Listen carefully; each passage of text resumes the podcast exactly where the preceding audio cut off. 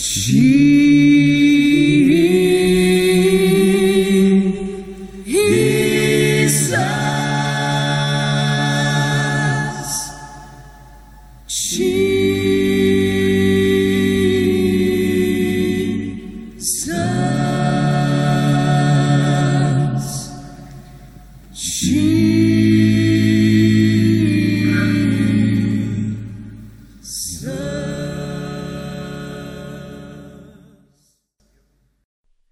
Välkommen till en spännande resa med Jesuspodden. Dagens avsnitt heter Lyssnar du verkligen? Gå och berätta för Johannes döparen vad som sker här, sa Jesus till sina lärjungar.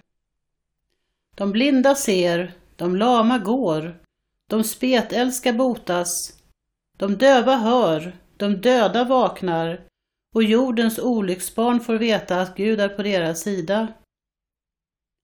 Var det detta ni väntade på? I så fall är ni de mest lyckosamma som finns, sa Jesus. När Johannes lärjungar hade lämnat dem började Jesus tala till folket om Johannes döparen. Vad var det egentligen ni gick ut för att se i ödemarken?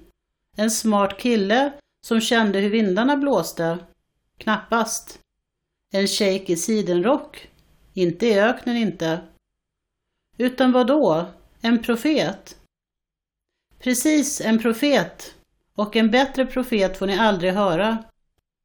Det är honom det handlar om i Malakis bok när det står Jag sänder min profet före dig för att bereda vägen för dig. Jag ska förklara vad det är frågan om, sa Jesus. I hela världshistorien finns det ingen som går upp mot Johannes döparen. Men i det rike han förberedde er för står till och med den minst betydande över honom. Länge har folket försökt tränga sig in i Guds rike. Men om ni läser profeternas skrifter och Guds lag noga ska ni se att de får sin kulmen i Johannes döparen och förenar sig med honom i att bereda väg för himmelrikets Messias.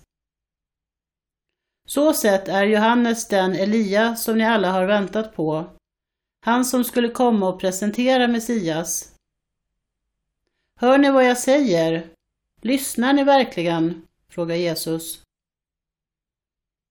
Vad ska jag säga om nutidens människor? Folket har betett sig som bortskämda barn som gnäller på sina föräldrar.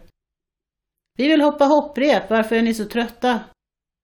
Vi vill sitta och prata, varför har ni så mycket att göra? Johannes fastade och de kallade honom tokig. Jag festade och de kallade mig suput och sa att jag umgicks med slöddret. Men opinionsundersökningar är inte mycket att lita på, eller hur? Först när man har prövat en sak vet man vad den går för. Jesus.